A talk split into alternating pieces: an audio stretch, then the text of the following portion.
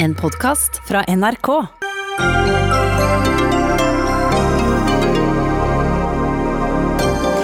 Offentlig sektor skviser de private og må slankes, mener Norsk Industri. Gammeldags markedsliberal tenkning, synes SV-leder Audun Lysbakken.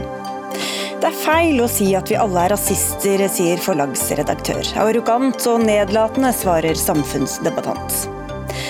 Fraværsgrensa har gitt bedre karakterer og mer læring hos de fleste. Men for de mest sårbare elevene har den slått uheldig ut. Og Smittestopp-appen er blitt grundig utskjelt. Nå setter Datatilsynet foten ned for videre bruk av den i jakten på koronasmitte.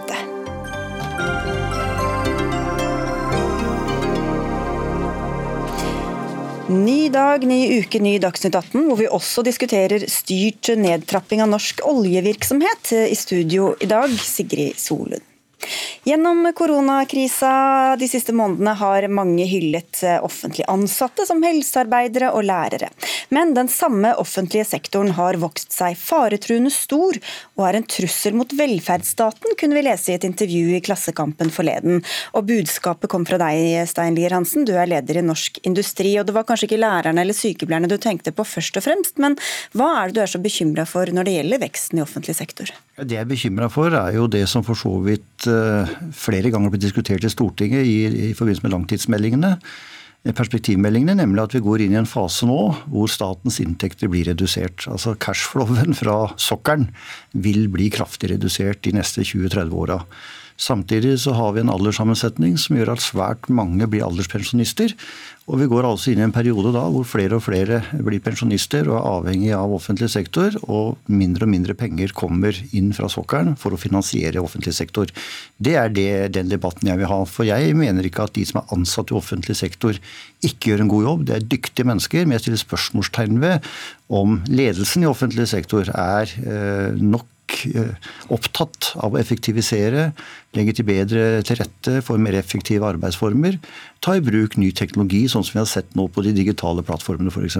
Så Det er den debatten jeg ønsker å være en stemme i. Men med den erfaringen vi har fått fra behovet for offentlig sektor de siste månedene, og det du sier at vil være behovet for offentlig sektor også i tida framover, hvorfor er det da på tide å slanke den? Nei, fordi at vi kan ikke ha altså Slanke og slanke, det, det har vært en voldsom vekst i offentlig sektor. Eh, budsjettet til offentlig sektor har økt med 80% på under ti år. Vi bruker dobbelt så mye penger på offentlig sektor som de gjør i Sverige og Finland per innbygger. Så det, det, jeg fokuserer på, er at vi må få mer ut av de pengene vi putter inn i offentlig sektor, sånn at vi får en offentlig sektor som er den beste i verden, som vi kan være stolte av, og som ikke innebærer skatte- og avgiftsnivå som ikke privat sektor kan bære. For det er jo sånn at privat sektor og dem, eh, privat sektors evne til å sysselsette, eh, skape inntekter og dermed skatter og avgifter til staten, er jo i stor grad det som finansierer offentlig sektor, og det blir jo viktigere når du ikke har disse enorme inntektene ved å selge olje og gass. SV-leder Audun Lysbakken, du ble provosert av det du leste, men best mulig offentlig sektor, det er du vel ikke imot? Nei, vi har en offentlig sektor i Norge vi kan være stolte av. Jeg synes jo at altså, Dette er jo ett av flere NHO-utspill eh, som advarer mot, uh, mot uh, en for sterk offentlig sektor. Og jeg syns egentlig tidspunktet for det er pussig.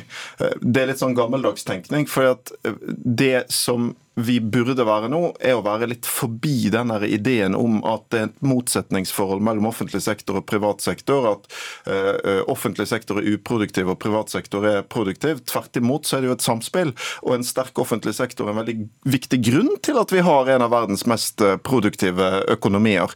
Og så tror jeg at det er ganske provoserende for mange som jobber i offentlig sektor, å få høre at det ikke har vært noe fokus på effektivisering. Fordi det har vært et voldsomt fokus på effektivisering. Eh, det har nå vært flate ostehøvelkutt i, eh, i eh, store deler av offentlig sektor i mange år. Mange steder er det skåret inn til beinet. Det er noen store økonomiske problemer i kommunene. Og så er det jo også sånn at veldig mange av de reformene som har blitt solgt inn, ofte av NHO, eh, som effektivisering. F.eks. Eh, helseforetakene, eh, reformene i Nav, adgangen til privatisering og profitt i deler av velferdsstaten, jo i praksis ofte har ført til mindre effektivitet, mer byråkrati, en mer rigid styring når markedstenkningen kommer inn. Så jeg mener det er det er gammeldags, og det er feil debatt. Fordi uh, denne motsetningen her uh, er, rett og slett ikke riktig.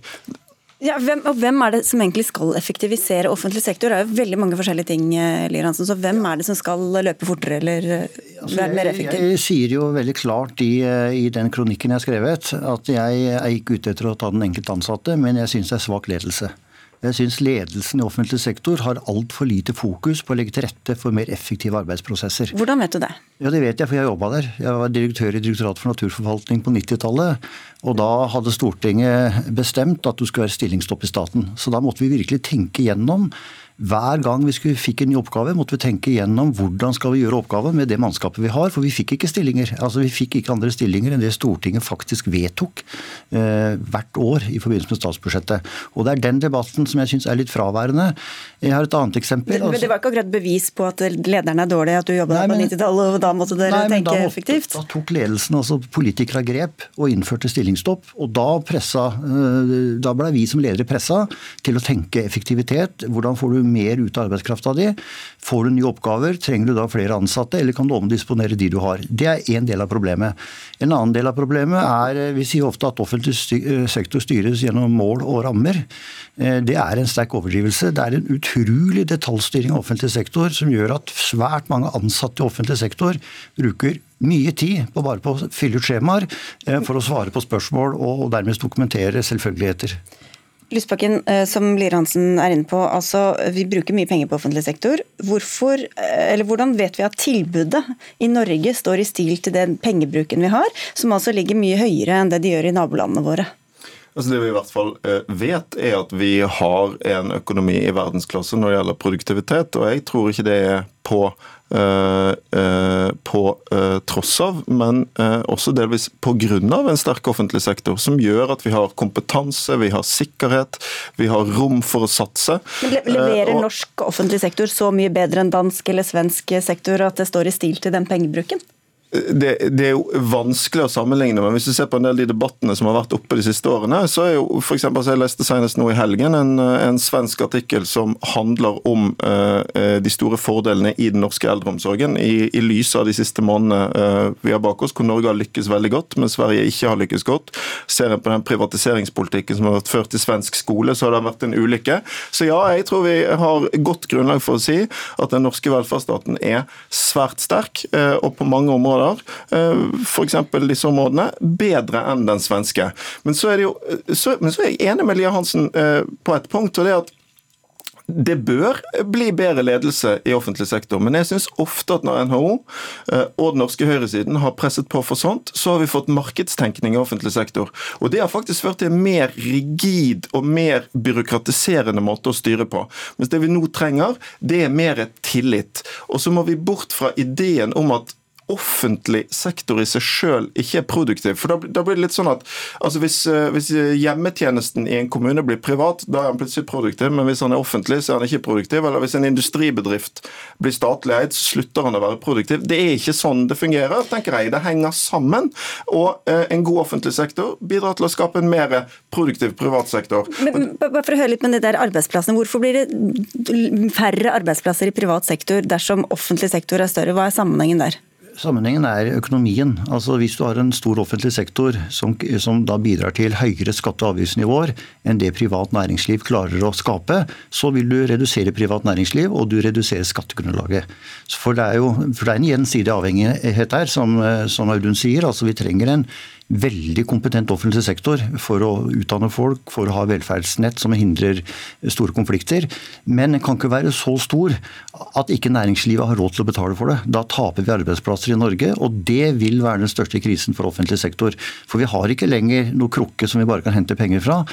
Over tid så vil vi altså måtte få en handelsbalanse med utlandet som er langt bedre enn den vi har i dag, når du ikke lenger kan gamble med olje- og gassinntektene. Men, men da syns jeg det er rart at ikke NHO litt oftere heller trekker fram diskusjonen om hvor er det de private investeringene må gå fremover.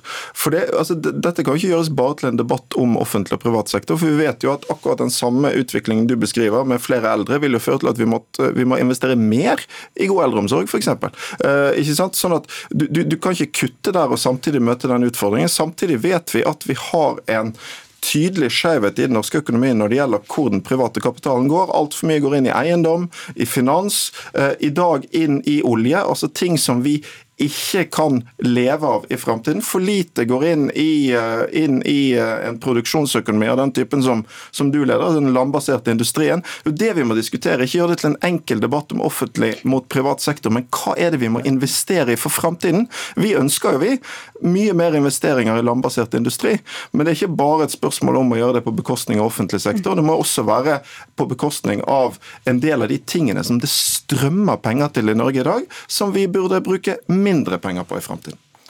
Men det som er en utfordring, og det, det er godt utreda, eh, det er at hadde vi investert mer teknologi i de som driver pleie og omsorg hjemme, så ville vi fått en mer effektiv hjemmehjelp. Altså jeg er selv leder av kontrollutvalg og vet hvor stor sykefraværet er på de stakkarene som i dag driver eldreomsorg hjemme hos der hvor folk bor.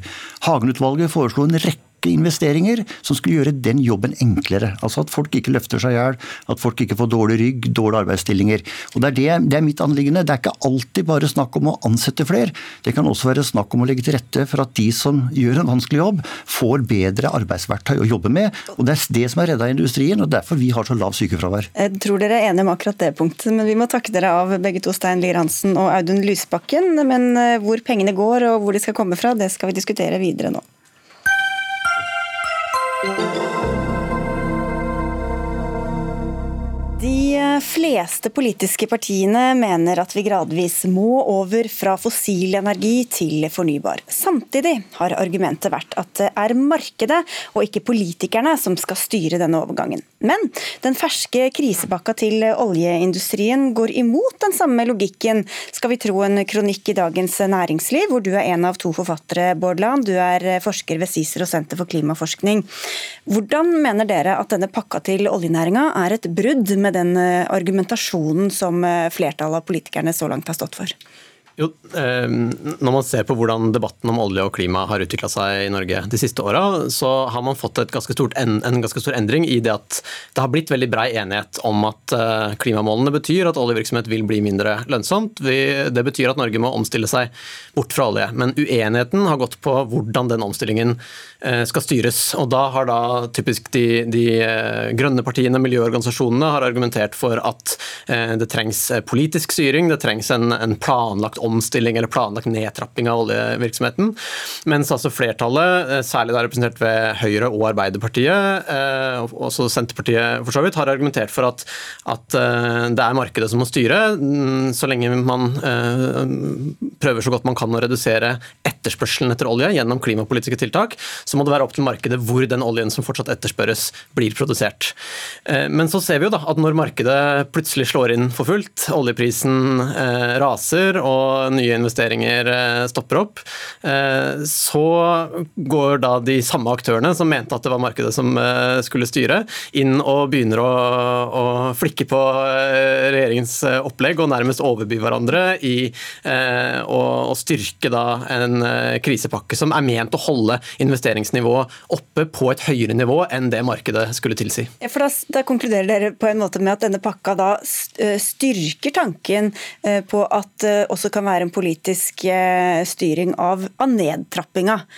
Ja, Det vi ser er jo at eh, eh, til sjuende og sist så kommer vi jo ikke unna eh, politisk styring av oljesektoren. Eh, sektoren styres hele tiden gjennom eh, tilgang på areal, gjennom skatteopplegg osv. Og, så og eh, når vi nå ser at stortingsflertallet går inn og styrker forholdene for industrien som svar på den, denne markedsnedgangen, så stemmer jo det veldig godt med det man vet fra forskning på omstilling om såkalt, en såkalt innelåsning innlåsningseffekt. Altså at når du har en stor og mektig næring eh, som er viktig både økonomisk og dermed også eh, politisk, fordi den sysselsetter mange og har stor politisk innflytelse osv., så, videre, så blir det veldig vanskelig å på en måte akseptere eh, at den eh, næringa går nedover. Den får stort gjennomslag for sine ønsker, og det gjør det vanskelig å, for markedet alene å på en måte styre eh, den, den nedtrappingen. Da. Tone Christian Tiller, du er statssekretær i Olje- og energidepartementet. Når dere har sagt i årevis at det er etterspørselen og markedet som skal styre dette, hvor er da logikken i at staten går inn og aktivt påvirker det samme markedet? Ja, Det er helt riktig. det. Vi har jo egentlig hele veien planlagt for at vi skal bli mindre oljeavhengig, at norsk økonomi skal bli mindre oljeavhengig. Jeg synes Det som halter litt med argumentasjonen her, er at man sammenligner den situasjonen vi har stått oppi nå med korona, som om at vi var i en slags eh, normalsituasjon. Det som beskrives som en markedsnedgang, var jo i realiteten en en svært dramatisk og uoversiktlig situasjon som vi måtte ta et politisk ansvar for å for å finne en løsning på. Det var en trippel krise som vår viktigste næring sto oppi. En global pandemi som førte til full stopp i etterspørselen konsekvensen av smitteverntiltakene som førte til at folk ikke kunne gå på jobb. Og det ble stans i all aktivitet, eller ikke all aktivitet, men veldig mye aktivitet på norsk sokkel. Og en pågående priskrig mellom de største aktørene i oljemarkedet. Så det som beskrives her som, som nesten en markedssvikt eller en markedsnedgang, som om at vi var en slags normaltilstand, det var jo i realiteten noe helt annet, der vi sto i fare for å miste tusenvis av arbeidsplasser. Eh, hele lokalsamfunnet egentlig, som frykta for fremtida. Eh, og svaret vårt på det var jo en midlertidig målgrensa og avgrensa eh, pakke til industrien. Og vi ønsker oss jo tilbake til en normalsituasjon igjen, og derfor så har jo egentlig hele pakken en utløpsdato også, sånn at vi skal komme tilbake. Ja, for Dette var en, et, et, et, unntakstilstand. Hvorfor kan det da være et argument i en mer normaltilstand, Land? Det er klart at dette var en veldig spesiell eh, situasjon, men eh, sånn, eh, sånn, som vi kjenner oljemarkedet, så tror jeg at hvis vi tror at lønnsomheten i olje og gass vil gå nedover framover, så tilsier vel alt at det ikke kommer til å skje på en veldig sånn gradvis og pen og pyntelig måte. Oljemarkedet er kjennetegna av store svingninger, plutselige sjokk og, og, kriser. Og en nedtur eh, vil også eh, ta den formen. Da. Sånn at, at omstillingen på en markedsstyrt måte vil komme gjennom kriser av forskjellige slag, enten det er pandemier eller kriger eller andre typer utløsende årsaker, som man alltid kan da hevde at er en, en helt spesiell situasjon. Det tror jeg nok, tror jeg nok vi, kan, vi kan være enige om. Og så skjønner jeg da at når man først står i den situasjonen, så trenger man selvfølgelig tiltak som eh, gjør noe for arbeidstakere som, eh, som, er på en måte akutt eh, utsatt, og for kompetansemiljøer som man ønsker å ta vare på osv. Men spørsmålet er jo da om det ikke hadde vært bedre å hatt en mer helhetlig eh, omstillingsplan for eh, den nedtrappinga man mener man, man, står overfor, sånn at man på en måte var klar eh, før krisa var ute neste gang. Mm. Jo, Vi var jo i gang med den jobben, og vi stiller jo veldig høye krav til miljø og sikkerhet og klima egentlig, i produksjonen på norsk sokkel. Og jeg vil jo si at eh, På tross av denne krisen da, som vi eh, forhåpentligvis nå kan komme oss igjennom, så, så er jo det store bildet og utfordringa for olje- og gassnæringa er jo egentlig uendra. Eh, når jeg tenker på de klimakravene som kommer til å komme, og den omstillinga de er nødt til å gjennomføre. Vår bekymring oppe i denne situasjonen her var jo om vi hadde noen industri, om vi hadde en leverandørkjede, om vi hadde kompetanse og arbeidsplasser arbeidsplasser eh, som sto igjen når vi har kommet oss gjennom krisa, for å fullføre den omstillinga. Hvorfor skal dere utsette den omstillinga, i stedet for å benytte anledningen som var her nå til å den i gang? Nei, men Jeg vil ikke si at vi med denne utsetter den i det hele tatt. For det er et, et viktig premiss for det brede flertallet i Stortinget egentlig, at vi skulle ta vare på den unike kompetansen som sitter i norsk leverandørnæring. og Her, her sto man overfor en krise som var så akutt at man sto i fare for å miste egentlig store deler av den verdikjeden. og Det er, det er ikke en teoretisk størrelse. Det kunne vi se med at verft var trua med nedleggelse, og, og bedrifter kysten eh, rundt sto i fare for å for å gå konkurs. og Da hadde vi tapt denne kompetansen, vi hadde tapt de eh, arbeidsplassene, og da hadde vi ikke kommet tilbake. Og så For å legge til så var jeg sammen med olje- og energiministeren før helga og åpna nye områder for havvind utenfor Utsira, eh, sørlige Nordsjø. Og Der kan du se i praksis hvordan et verft som Iber f.eks. På den ene sida bygger de prosessmodulen for Johan Sverdrup fase 2, samtidig som de også eh, har allerede milliardomsetting eller stor omsetning innenfor havvind. Så det her henger veldig nøye sammen, og det var det vi sto i fare for å miste hvis vi ikke foretok å snakke okay, i den krisen. Hva, hva, vet vi, hva, hva, gjør leverandørindustrien da, når pengene går via oljeselskapene? Det vi vet om, eh, om, omstilling i eh, leverandørindustrien, og på en måte de industrien som er knytta til olje- og gassvirksomhet i Norge, det er jo eh, for det første at de er omstillingsvillige og, og omstillingsdyktige, mm. men også at interessen for å satse i nye næringer og på nye teknologier svinger omvendt proporsjonalt med investeringene i olje. sånn at vi vet jo, det skal jo heller ikke så veldig mye eh, forskning til for å, å, gjette seg til at jo fullere ordrebøkene er eh, når det gjelder olje- og gassprosjekter, jo mindre plass er det til, eh, til, nye satsinger. Mens i de områdene hvor det har pekt nedover i olje og gass, så har eh, investeringene og interessen eh, på nye felt økt. Sånn at jeg tenker jo at det at man nå velger å gå så aktivt inn og holde oljeinvesteringene oppe som et virkemiddel for da, som man sier, å ta vare på kompetanse som skal, som skal bidra til noe annet enn oljeinvesteringer på sikt, det vitner jo kanskje mest om at man da ikke helt var klare med de, den typen tiltak og den typen uh, prosjekter som, uh, som man uh, egentlig kunne ønske seg. Da. Men jeg bare lurer på en ting til, for Du sa jo at oljeprisen var jo en av de grunnene, altså lav oljepris, til at dere kom med denne pakka. Nå er den på vei opp, eller har vært på vei oppover igjen. og Så legger dere da rammevilkår som skal vare i mange år. Hva skjer hvis oljeprisene blir kjempehøye, det går kjempebra? da? Skal, da? Skal man gå inn med nye rammevilkår som er dårligere igjen, da, eller? Nei, men Det er jo det som er med denne pakken nå. at Nå får de, nå får de en uh, skattelette up front, som de får nå, og så skal de betale uh, 78% skatt igjen når disse feltene kommer i produksjon. men hvorfor, hvorfor skal det bare gå den ene veien, da, hvis oljeprisen skal være med å styre Nei, men vi, det ligger jo, som jeg sa helt innledningsvis, så ligger det jo en utløpsklausul bygd inn i denne pakken. at alle, Det gjelder for prosjekter bare fram til 31.12.22, og etter det så faller man tilbake på det systemet som vi allerede har i dag. Så det her var vårt svar på en helt ekstraordinær situasjon. og Eh, det skrives jo også i den kronikken at det var, det var, med hensikt på å fremme økte investeringer. og Det syns jeg egentlig ikke er riktig. for det, det, var et svar på en veldig spesiell situasjon der det var snakk om å ta vare på, eller sørge for at investeringer som allerede var beslutta, og aktivitet som vi hadde planlagt for, skulle gjennomføres for å unngå at vi fikk en total kollaps i norsk leverandørindustri, som vi hadde ramma den omstillinga som vi er veldig godt i gang med. for jeg har lyst til å avslutte med det. Hvis jeg skal se litt framover, bare helt til slutt, og ta dere på ordet på at uh, nå er dette på en måte noe som, uh, som gjelder en avgrensa periode framover, så tenker jeg at det store spørsmålet det blir jo hvordan bruker man de neste eh, par-tre årene? Eh, hvordan klarer man faktisk å sørge for å fremme den omstillinga eh, i leverandørindustrien, sånn at man er på et annet sted neste gang krisa er ute? Det tenker jeg er det vi bør Men det skal vi, vi skal fortsette med det. Med høye, høye krav til, til klima på norsk sokkel. Takk skal dere ha begge to, Tone Christian Tiller, statssekretær i Olje- og energidepartementet, og Bård Land, som er forsker ved CICER og Senter for klimaforskning.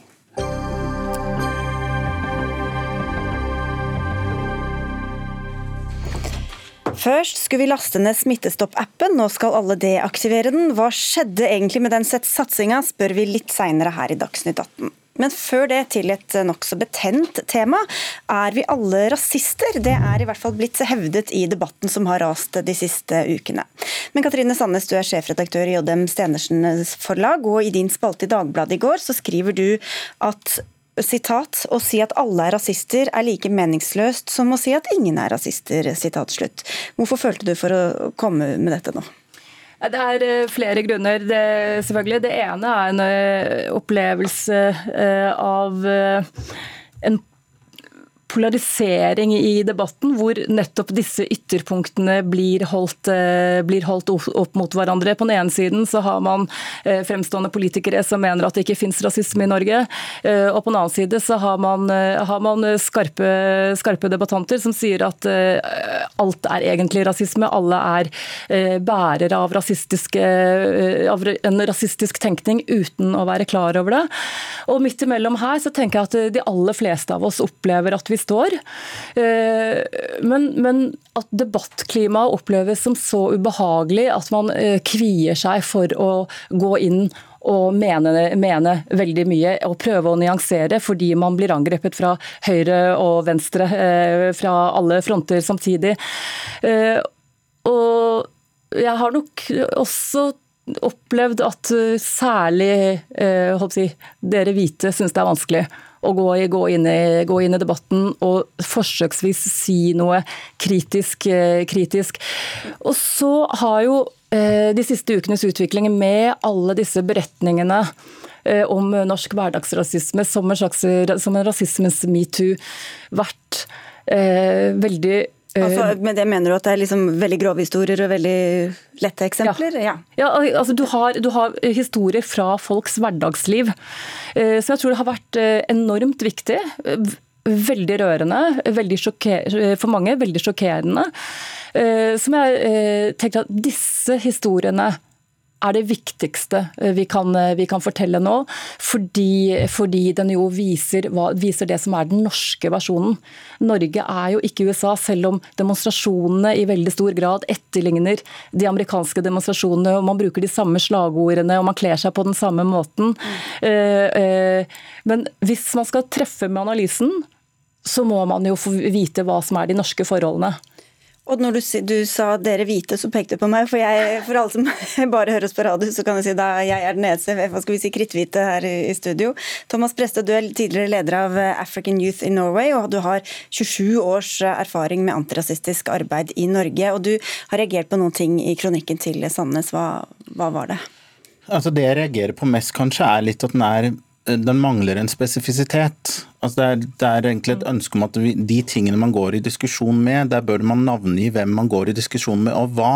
Fordi det blir en svadifisering. F.eks. det at vi er alle rasister, er en, en faglig kommentar. Der finnes det studier fra Harvard osv. som viser at selv svarte har en forkjærlighet for visse ting som er, har blitt fòret gjennom hvordan man blir representert i bl.a. barnebøker og andre ting. Så et studie som viste svarte barn som valgte allerede i fireårsalderen den hvite dukken.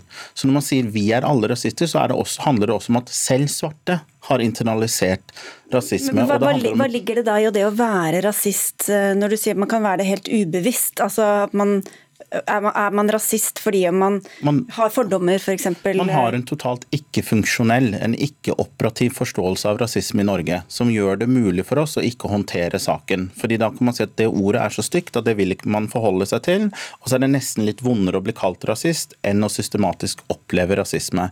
Og så stopper hele, hele aktiviteten der. Det som er viktig å forstå, er at rasisme er en isme. Og når vi også sier at det er systemisk, så handler det om for at hvis jeg kjøper en leilighet, og du kjøper en leilighet, og det er akkurat samme leilighet, så er din leilighet verdt mer enn min. Og det er en økonomisk manifestasjon av rasisme uten at noen har hatt en ond intensjon noe som helst sted. Det er, et, det er, noe som reproduserer seg selv, med mindre man aktivt arbeider imot det.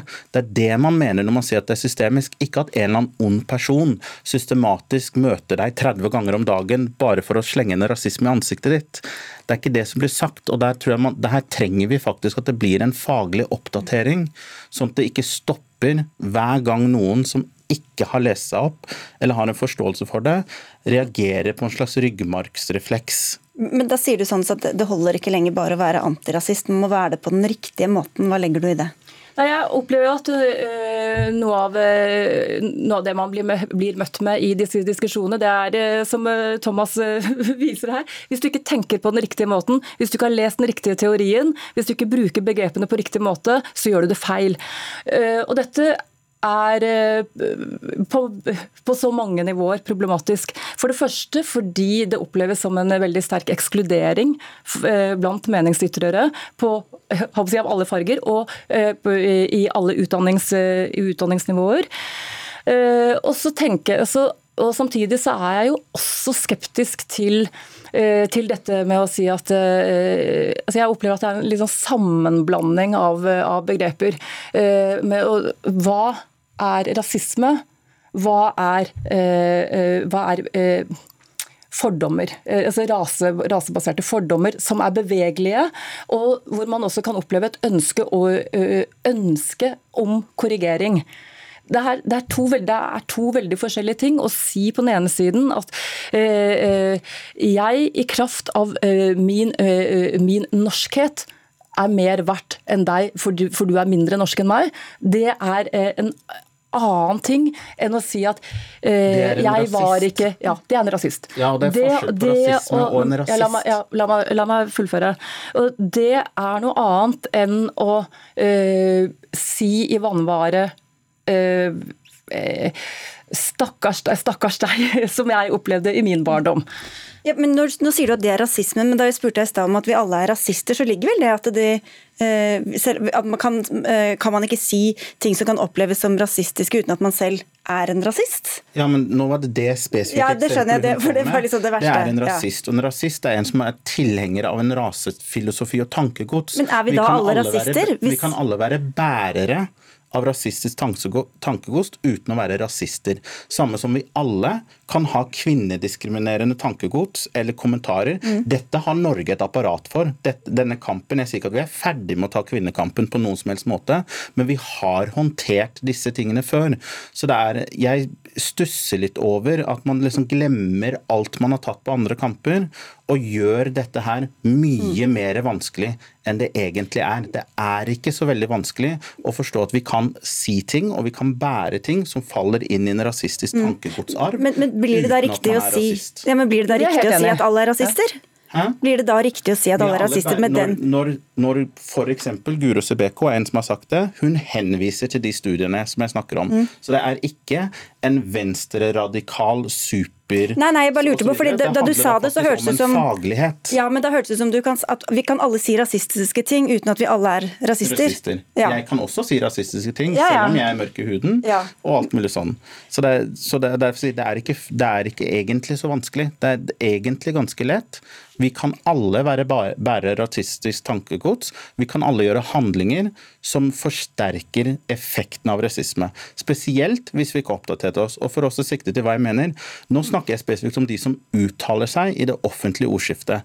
Jeg mener at jeg kan forvente at hvis noen har lyst til å ta opp spalteplass og bruke stemmen sin, som da faktisk tar plassen fra andre, i rasismedebatten, at det er en forventning om at du da har lest et par artikler Og, så og oppdatert deg. Mm. Det er noe helt annet enn den diskusjonen som skjer i hjemmet, på skolebenken osv. Nå snakker vi om at hvis du velger å ta opp den plassen, Gidd å gi det en halvtime først. Mm. Ja, her syns jeg vi ser et kjempegodt eksempel på, på hvorfor eh, på, altså på, nettopp denne rettenkningen som, eh, som, eh, som, man blir avkrevd. Du skal argumentere på den måten noen mener er riktig. Du skal uh, henvise, til, henvise, til, de og de artiklene, til de og de forfatterne osv. For, for å være meningsmelder. Men gjør man ikke det på andre du, områder? Hvis du skal uttale deg om klima eller økonomi, så regner man med at du ja, satt deg litt inn i saken? Saken først? Eh, selvsagt. Eh, og eh, nå vet jeg ikke helt hvor han har det fra at jeg ikke har lest disse tingene. Det, men det, det, får, det får, være opp til han. Og, så, ja, og, og til å si det, til det du etterlyser, med fravær av referanser i spalten, så var det helt bevisst. Og grunnen til, grunnen til det var nettopp fordi hvis du skal diskutere det større da maler man et feilaktig bilde. Så uh, ja, er du, en, er du ja, sikker på det? Man maler et feilaktig Er du sikker ja, på at det er sånn det oppleves? Ja, det er ikke samme person oh, som har sagt alle de tingene. Det er det, så, det står det ikke heller. Nei, men det, man maler et bilde som om det er et helt miljø som har en sånn sjargong osv. Og, så og det er det jeg sier, det er det faktisk ikke.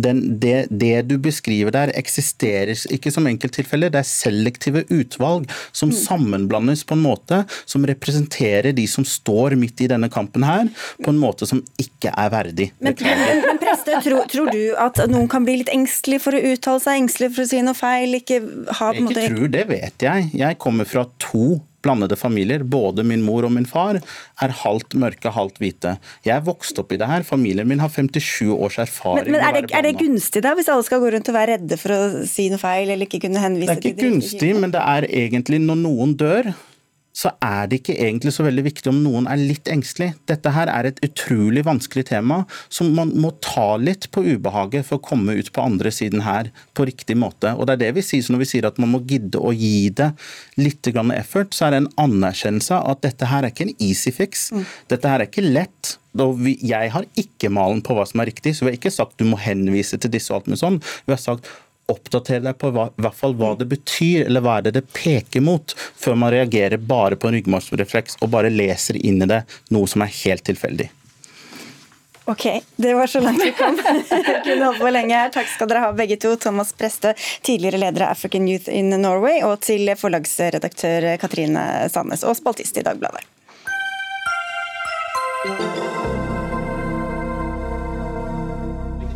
For fire år siden ble fraværsgrensa innført i videregående skole her til lands, og den har vært heftig diskutert både før og etter. Regelen setter et tak på hvor mye elevene kan være borte fra skolen og fortsatt få karakter, og i dag kom rapporten som evaluerte den. Professor og forskningsleder ved Forskningsstiftelsen Fafo, Jon Rogstad, du er en av forfatterne bak rapporten, og hva er hovedfunnene deres?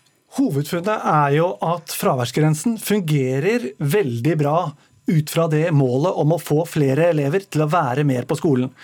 Det, det totale nærværet har økt med 27% hvis vi sammenligner det året før og i den treårsperioden som vi nå har studert. Så, sånn sett er det en suksess. Eh, ikke bare er de mer på skolen, de lærer mer av å være på skolen. Og, det får vi håpe, da, at når de først er der, at de ja, lærer noe. Og det er jo litt interessant gitt den situasjonen vi har vært oppe i, så får vi nå se hvordan det har gått. Men når vi da ser på det andre målet, på det som dreier seg om å også redusere frafall, som jo har vært et viktig utfordring i 25 år, altså fra Reform 94 og fram til nå, så er det spørsmål hvor viktig er dette redskapet inn i verktøykassa. Og da stiller vi litt mer spørsmål ved om det faktisk virker for de mest sårbare elevene, eller om det til og med kanskje virker negativt. For nå er det jo slik at fraværsgrensen sier at alt fravær, udokumentert fravær over 10% det gjør at du kan få ikke vurdert. Og en elev som da har gått fra 18% til 12% har redusert masse. Men allikevel så kommer de altså over denne fraværsgrensen og kan få problemer i forhold til å fullføre og bestå videregående opplæring. Men nå sier du at dere stiller spørsmål, men dere har vel også funnet noen svar og noe statistikk for hvordan det slår ut for denne gruppa som kanskje før hadde, fikk, hadde ett fag hvor de ikke fikk eh, godkjent eh, og ikke fikk karakter? Absolutt. Vi har funnet at uh, IV er viktig. Det klarer ikke å redde Ikke vurdert. Ja. Det, ikke vurdert. det er veldig viktig fordi man klarer ikke gjennom fraværsgrensen og at det blir færre som får ikke vurdert. Det altså, og de som får det, får det gjerne i flere fag. Og sånn at Det vi da sier, det er at det er en betydelig andel som har en økt frafallsrisiko. Og Når jeg ikke sier frafall enda, så er det fordi frafall måler vi først etter fem år. Og dette kommer jo i 2016, så det endelige svaret på hvordan dette vil bli i forhold til frafall, det får vi faktisk først etter 2021. Men kan vi si at det er flere som stryker nå enn før? Nei, det kan vi ikke si. Nei.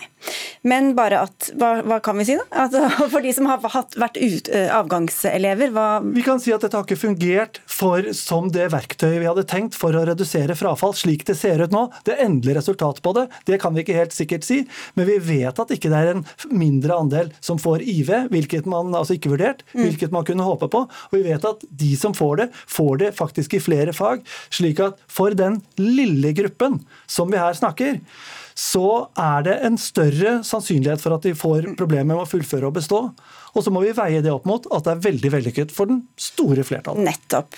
Og dette funnet er jo blitt presentert i hvert fall i det store og det hele som en veldig gladnyhet i dag, men dere er like fullt bekymra fra Elevorganisasjonens hold, hvor du er leder, Kristin Schultz. Og da betyr vel det at dere veier disse få elevene tyngre enn majoriteten, da, eller? Ja, det gjør vi absolutt. Vi ser at uh, fraværsgrensa er noe som mange elever tenker på som et irritasjonsmoment. Uh, det irriterer dem, det er litt slitsomt, men det går greit. Men det er jo ikke de elevene vi er for å representere. Vi skal representere de elevene som blir offer for den fraværsgrensa vi har i dag. Uh, når vi ser rapporten, så ser vi jo at regjeringa rosemalt tallene om at ja, fraværet har gått ned 27% som høres unektelig pent ut. Men da må vi også tenke på hva er virkelig virkeligheten bak disse tallene. Og realiteten er at de elevene som allerede var mye på skolen, de er litt mer på skolen. Eh, mens de elevene som hadde det største fraværet, de klarer ikke å redusere fraværet sitt nok, som gjør at disse likevel ikke kommer under taket på 10% som i realiteten betyr at de eh, detter ut av eh, videregående. Så vi har jo advart mot dette siden 2015, da fraværsgrensa først ble innført.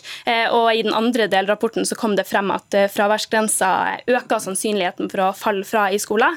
Eh, og denne rapporten bekrefter at dette er tilfellet for enkelte elevgrupper, mm. som spesielt er de elevgruppene som eh, sliter ekstra mye. Og Hvordan eh, mener du det da fungerer med disse tallene for denne gruppa, Guri Melby, du er jo kunnskapsminister? Eh, ja, det er jo Jeg deler jo Elevorganisasjonen sin bekymring for de mest sårbare elevene. Samtidig synes jeg det er viktig å si at mange av dem som har hatt mest fravær, er også dem som har redusert fraværet sitt mest, og også fått eh, bedre resultater. Så for mange av dem med mye fravær, så har fraværsgrensa også virka.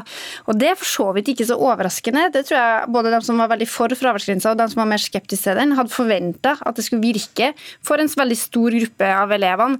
Eh, og de elevene vi møtte i dag på Lambertseter da vi presenterte rapporten, de sa jo at fraværsgrensa hadde ført til en slags sånn holdningsendring. At det ble mer sånn selvsagt at de skulle gå på skolen. Og det tenker jeg er en grunnleggende bra ting.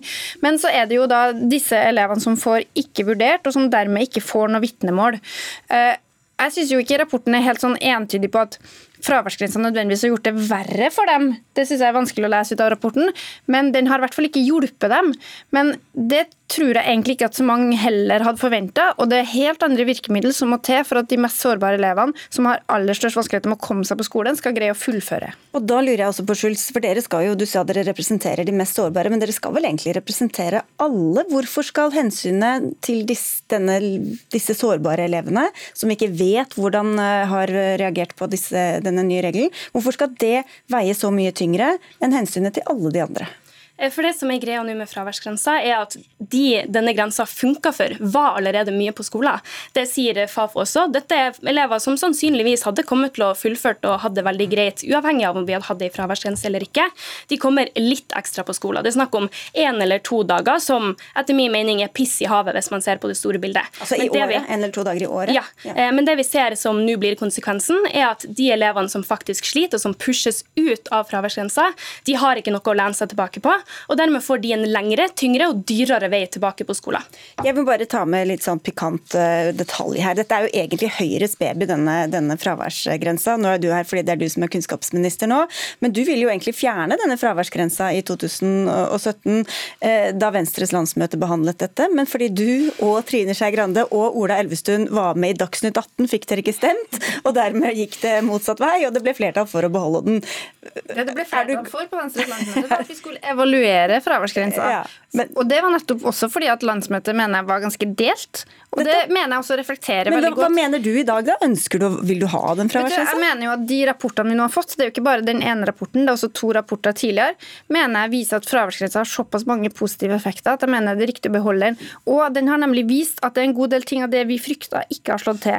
Det viser bl.a. at den blir praktisert litt mindre rigid enn det man kunne frykte. Det er ganske mange lærere og rektorer som bruker en god del skjønn. sånn at det er mange av de elevene som har redusert fraværet sitt fra 18 til 12% som faktisk får vurdert. Selv om regelen er 10% så er det faktisk mulig å bruke skjønn opp til 15% Og Det jeg mener vi bør diskutere nå, er f.eks. skal vi gjøre noe for å utvide det skjønnet? Kan det hjelpe de elevene som Elevorganisasjonen er bekymra for? Eller er det helt andre tiltak? Altså Det viktigste jeg jobber med nå, er en reform av videregående opplæring. Den har vært relativt lik siden 1994. Noe av det viktigste nå er at vi får en videregående skole som er tilpassa den enkelte elevs behov, at vi gir mer valgfrihet og mer motivasjon til å mm. Fullføre. Ja, eh, men det vi ser det er at fraværsgrensa er nå et problem. Eh, dere snakker om at kompenserende tiltak er noe vi kan gjøre for å kanskje bedre den litt, men det er feil enn å starte i. Fraværsgrensa har blitt innført, og vi ser at den nå straffer elever med stryk. Eh, mens vi elever sitter og venter på at dere skal finne disse andre tiltakene, så er det elever som nektes vitnemål fordi de har for mye fravær, helt uavhengig av om de har nok vurderingsgrunnlag eller ikke. Og disse elevene får en tyngre vei tilbake på skolebenken. Hvem er det det gjelder? Hvem er det som ikke kan gå på skolen 90% av tida? Hvem er, nei, altså, hvem er, disse sårbare elevene? For Man kan jo gå til lege hvis man er syk, man kan få legemelding. Altså, det finnes jo systemer for å kunne Også hvis man, hvis man har grunnlag for eh, altså, Eh, hvis man ja. må være mye borte. Så eh, hvem er denne gruppa? Vi ser at De elevene som ofte ender opp i disse gruppene, det er elever i eh, svake sosioøkonomiske familier som kanskje ikke har råd til legeerklæringer. Det kan være elever fra innvandringsfamilier som sliter med å forstå systemet, som kanskje ikke helt vet hvordan de skal håndtere det. Det kan også være elever som sliter med psykiske og mentale problemer, som dermed har vansker for å faktisk dokumentere det som gjør at de ikke klarer å møte opp på skolen. Røkstad, har dere sett på noe av disse potensielle kompenserende tiltakene som kan fungere? da? Nei, ja, altså jeg har bare lyst til å supplere litt her. fordi det er, nok, det er veldig viktig at det er mange elever som opplever at de har en veldig legitim grunn til å være borte, men det går ikke an å legitimere det med dagens system.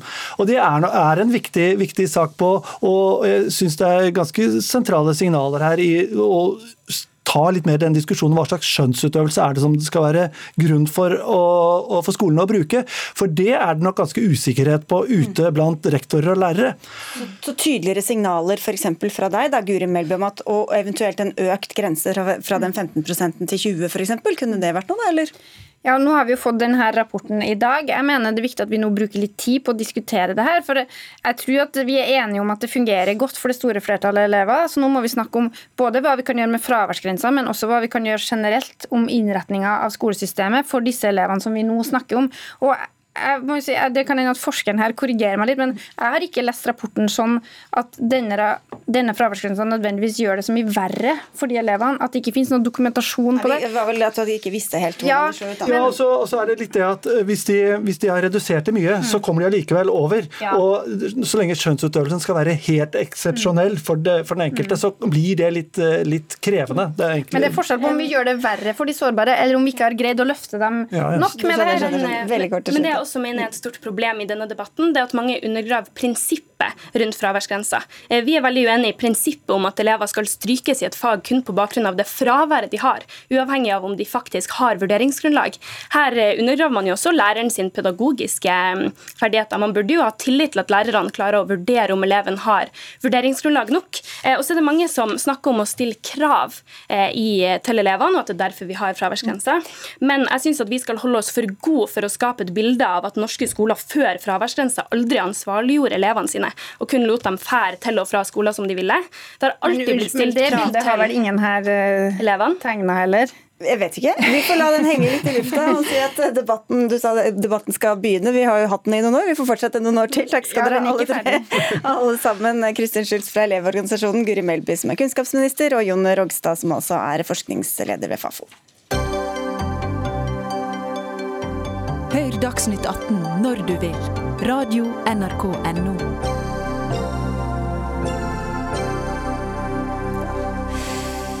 Den beskyldes både for å overvåke oss og for å være lite effektiv i å bekjempe koronasmitte. Nå setter Datatilsynet foten ned for Smittestopp-appen, legger ned et midlertidig forbud og ber Folkehelseinstituttet slutte å bruke appen i videre jakt på koronasmitte. Appen skulle hjelpe myndighetene med å spore smitte ved at den fulgte med på hvem som var i nærheten av eh, hverandre. Og Bjørn Erik Thon, direktør i Datatilsynet, dere sa ja til appen da den kom. Hvorfor sier dere nei nå? Eh, bare for å ha det formelle riktig her, så har ikke vi i dag sagt at eh, denne appen må stanse.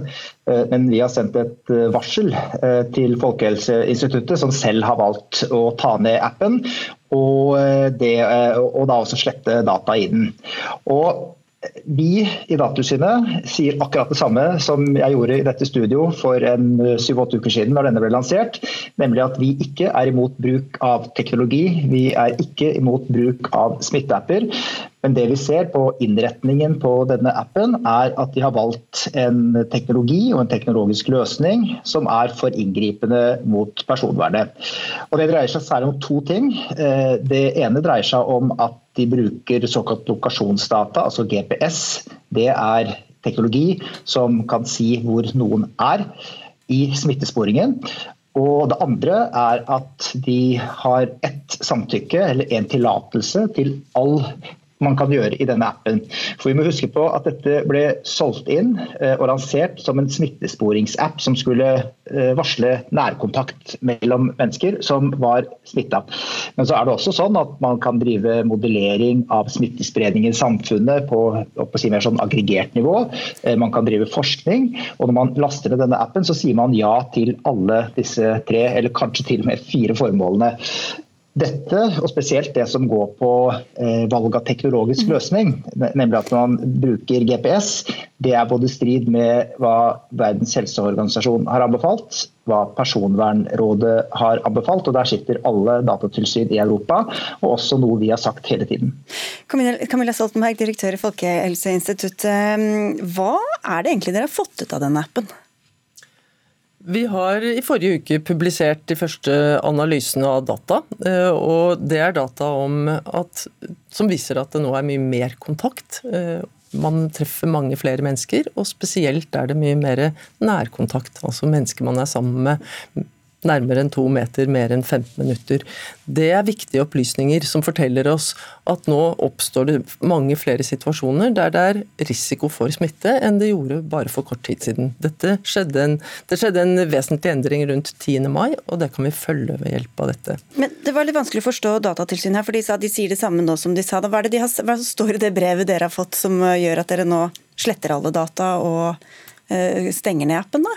Forskjellen er at uh, på det tidspunktet den ble lansert, så uh, vurderte de det som forholdsmessig, som det heter, uh, å ha denne type app samtidig som man eh, skulle bruke den for å få mer kontroll med smittespredningen. Vi mener at den kontrollen med smittespredningen den er minst like viktig nå, og at det at vi nå jobber for å få denne appen til å fungere også med, eh, i smittesporingen, det er veldig viktig for den videre kontrollen. Men har den appen forhindret smitte på noe vis, da? Ikke foreløpig, fordi vi har jo ikke fått den testingen som vi hadde planlagt, så nå hadde vi lagt opp til en annen måte å teste på. Hva, hva, mener du med det? Nei, jeg skal forklare det. Eh, fordi det er så få som er smittet, og det er jo en veldig god nyhet, så har det ikke vært mulig å teste ut appen ved hjelp av folk som er smittet. Eh, så Derfor hadde vi nå planlagt å gjøre det ved hjelp av folk som ikke er smittet, og rett og slett følge bevegelsesmønsteret. Og Hvis det nå blir en oppblomstring, Ton, og så har alle sletta denne appen, hva sier du da? Eh, det sier jeg da. Det, det sier, jeg sier det som jeg har sagt hele tiden. Nemlig at det er godt mulig å få dette til hvis man uh, bruker teknologi på en annen måte. Uh, og vi driver ikke saksbehandling på Dagsnytt 18. og Sist gang jeg diskuterte dette med bl.a. Camilla Stoltenberg i Dagsnytt 18, så ga vi en prinsipputtalelse om hvordan man kan bruke, drive smittesporing ved smitteapper. Men det er først nå vi har gått inn og sett på hva slags teknologi vi har brukt. Unnskyld, de har brukt. Mm. Det er nå vi har sett på hvordan eh, de driver eh, anonymisering, som jo Folkehelseinstituttet ikke har fått til. Det er nå vi ser på hvordan innsynsordningen er, eh, fungerer, som de heller ikke har fått til. Mm. Så det er ganske mange tekniske ting som rett og slett ikke har lykkes så veldig bra okay, i denne hvis... appen, og det er det vi tar opp uh, Greit. nå. Da skal Stoltenberg få svare på det, for vi har flere mennesker i studio. Jeg skal prøve å svare kort. For det første så er det helt riktig at appen fortsatt er under utvikling, og at vi ikke har fått til alt det vi har som mål å få til. Men det vi har fått til, det er jo ved hjelp av tiltakene å få bedre tid til å utvikle den. Det uforsvarlige var jo å forsøke, eller det som var på grensen av det forsvarlige, vil jeg si, det var jo å forsøke å få den til å virke så fort da vi trengte den eh, i første fase av epidemien. Nå har vi mulighet til å gjøre dette på en forsvarlig måte. Vi har fått til anonymisering, vi har fått til analyser. Eh, det skal vi vi beskrive nærmere. Men det er fortsatt en god del ting som vi jobber med å få på plass, bl.a. det å kunne bruke den i smittesporing. Men det aller viktigste vi har fått til, det er jo at dette er en app som er frivillig de som laster den ned, vet hva de gjør. De får beskjed om begge de formålene og hvordan de henger sammen. Og vi skal fortsette å, å jobbe med det som utgangspunkt. Det var ikke mange nok som lasta den ned heller til at den fungerte helt sånn som den var ment at den skulle. Helseminister Bent Høie, hva har hele dette eventyret kosta? Foreløpig så ligger vel regningen på rundt 25 eh, millioner. og så må vi være forberedt på at vi må bruke mer penger, ikke minst som følge av at eh, hvis vi nå forhåpentligvis finner en løsning som også Datatilsynet kan akseptere, eller som er, som, som er, bra, så vi kan gå videre, så vil vi måtte bruke mer penger for å få testa ut eh, løsningen. Eh, enn det som det hadde kosta hvis vi kunne teste den ut i, en smittesituasjon. Men det er en god nyhet, for ja, ja. det hadde vært forferdelig for samfunnet hvis vi nå hadde vært i en situasjon der vi hadde så mange smitta at vi kunne ha testa den ut mye raskere med smittepersoner. Men denne løsningen er eh, en viktig del av en total eh, pakke når det gjelder vår beredskap for det som vi regner med er mest sannsynlig kommer til å skje, nemlig at vi får igjen lokale eh, oppblomstringer av smittespredning. Mm. Åshild Brun-Gundersen, helsepolitisk talsperson i Fremskrittspartiet. Du var tidlig ute og advarte mot å laste ned Smittestopp-appen. Eh, men så sier jo Datatilsynet også at det er for få som har lastet den ned til at det var forholdsmessig. Så hvis dere ikke hadde advart, så hadde det kanskje vært mer velfungerende, da? Ja, Det er sikkert noen som drømmer om at det hadde stemt, men eh, poenget her er jo at hele appen er laga som et hastverksarbeid. Teknologien er rett og slett ikke god nok. Når du kan dokumentere at avviket er inntil 13 meter, eh, så vet man jo at vi har faktisk ikke muligheten til å bruke den appen til å varsle om noen som har vært i en reell smittesituasjon. Og Jeg syns faktisk at folk eh, som har lasta ned den appen, burde ha fått tidligere beskjed om at den har ikke vært i bruk i hele Norge heller. Den har altså for de aller fleste ikke vært i bruk. Og så har det vært tre kommuner som har tatt den i bruk, og selv der har den ikke vært i bruk. Men Har det vært en skade for noen, da? Nei, det har det ikke. Men personvernet er blitt definitivt utfordra. Man har også flytta grensene for hva man aksepterer å gi opp av personvernhensyn i en pandemi. Og når Helseministeren kaller dette en dugnad, en, nærmest en forpliktelse vi alle har for å bidra til å redusere smittesporing og redusere og kunne varsle effektivt at noen har blitt utsatt for smitte, så er det mange som har følt på det ansvaret. At EU må bidra i denne koronadugnaden. Jeg skal laste ned den appen. Men effekten har uteblitt fordi teknologien har vært for dårlig. Det eneste som har stått i denne appen, det er overvåkninga. Det, det, er jo ikke riktig, fordi eh, de som har lasta ned denne appen, har allerede bidratt. Eh, de har bidratt til den kunnskapen som Camilla Stoltenberg eh, presenterte. Men var det, det, Tror du det var det folk tenkte at de skulle bidra til? Av forskning ja, og, og Vi fortalte iallfall at en på den, med å laste ned denne appen bidrar både til smittesporing, men òg til å gi mer oss mer kunnskap om arbeidet med å stoppe eh, viruset. Mm. Og Den kunnskapen vi har fått gjennom den eh, innsatsen som de som har lasta ned appen har gjort, det er mer kunnskap. Den kunnskapen den mister vi ikke nå eh, fordi om dette arbeidet stopper, men dessverre, det at arbeidet nå stopper opp, det gir oss mindre mulighet til enda mer kunnskap, som hadde gjort oss enda mer forberedt mm. Eh, på en eventuell smittesituasjon. Og Derfor er jeg grunnleggende uenig i Datatilsynet sitt premiss om at forholdsmessigheten nå ikke er til stede. Jo, fordi det er nettopp det som er feil. fordi nå er vi i en situasjon der vi heldigvis har kontroll på smittespredningen, men vi tror det er stor sannsynlighet for at vi vil få økt smittespredning lokalt. Og da kan vi faktisk ikke vente. Men hvorfor kan ikke appen fortsette, da? Hvis Er det Datatilsynet som bestemmer? Nei, eller? men eh, vi, vi har, Hele veien har Folkehelseinstituttet, men òg vi fra regjeringens side vært veldig opptatt av at vi i denne løsningen skal ivareta òg personvernet. Når Datatilsynet kommer med en så klar beskjed, så respekterer en det. Men den ønsker jo selvfølgelig å komme og finne løsninger. De tekniske utfordringene som Datatilsynet påpeker, de jobber Folkeinstituttet allerede veldig godt med å løse. Men du, be, spørre Rune Gundersen, Har du noe grunnlag for å si at personvernet ikke er blitt ivaretatt? Ja, altså Personvernet, eh, bevegelsesmønsteret til alle som har lasta ned appen, det blir altså tracka hele døgnet. det, det har man jo sagt ja til. Det, har man jo sagt ja til når du har gjort det. Det er nettopp det. det. Heldigvis så er denne appen frivillig, men man gir også opp personvernet i en tro på at man bidrar til en dugnad som skal reddes mer smitte. Og det Bent Høie nå i hvert fall er ærlig på, at dette er ikke smittesporing. Hvis du har vært i nærkontakt med noen som har hatt covid-19, så må man fortsatt drive med manuell smittesporing. og Det handler om å kartlegge de som har vært i en reell smittesituasjon. Altså man har vært nærmere hverandre to meter i mer enn 15 minutter. og Det klarer ikke denne appen å ivareta. De tre forsøkskommunene som har prøvd ut den, bekrefter alle det samme, at den manuelle smittesporinga må gjøres uansett. Så da gjenstår det en app som overvåker befolkninga vår, og da er det det dere skal ta til Ok, Stoltenberg, Du vil egentlig ikke debatt, men du vil komme med Nei, men jeg må bare si at ja, du, Bare et øyeblikk, sånn skal Stoltenberg få svare først. Det har aldri vært meningen at den skal erstatte den smittesporingen som skjer i kommunene. Den skal forsterke smittesporingen samlet sett. Det er det ene. Det andre er at eh, det at vi har fått bedre tid til å utvikle den. Det er bare tre måneder siden hele ideen ble unnfanget. Det er veldig bra. Da er det mye større sjanse for at vi får nytte. Personvernet har vært ivaretatt hele tiden, og alle data blir slettet innen 30 dager har det vært hittil. Og det ble besluttet av oss i forrige uke at det skulle reduseres til under 10 dager. Da er dataene borte. De lagres i en sky i Irland, der vi også lagrer norske pasientdata. Fra ok, Ton, hvis du klarer å være veldig kjapp innpå her. Ja, jeg jeg syns det er veldig rart å høre at uh, helseministeren gir Datatilsynet en stoppfunksjon i denne saken her. Uh, for det er veldig ukjent for oss at vi har en stoppfunksjon overfor politiske beslutninger. Det har vi ikke, og det skal vi heller ikke ha. Så mener at de burde ikke hørt på dere, eller? Og, og, og, og spesielt ikke i en sak som ble vedtatt som en forskrift som ikke engang ble sendt eh, på, på, høring. Men jeg har bare lyst til å lese en liten ting her fra den siste rapporten. eller den eneste ja, rapporten veldig, men Jeg vil at, som, at helseministeren skal få svare på det du sier. for Det, blir, det er jo litt sånn uklart for meg også. Hva er egentlig, Hvem er det som har denne stoppfunksjonen? Det er Folkehelseinstituttet som har valgt å gjøre dette i dag, men det er jo ut fra en respekt for at en nettopp, og det har han hatt hele veien, respekt for at en jobber her for å finne gode personvernløsninger. og Det ville vært veldig vanskelig hvis en nå hadde fortsatt å innsamle data samtidig som en skulle ha en dialog med Datatilsynet Datatilsynet om å finne gode løsninger. Men det er Folkehelseinstituttet som har tatt den beslutningen.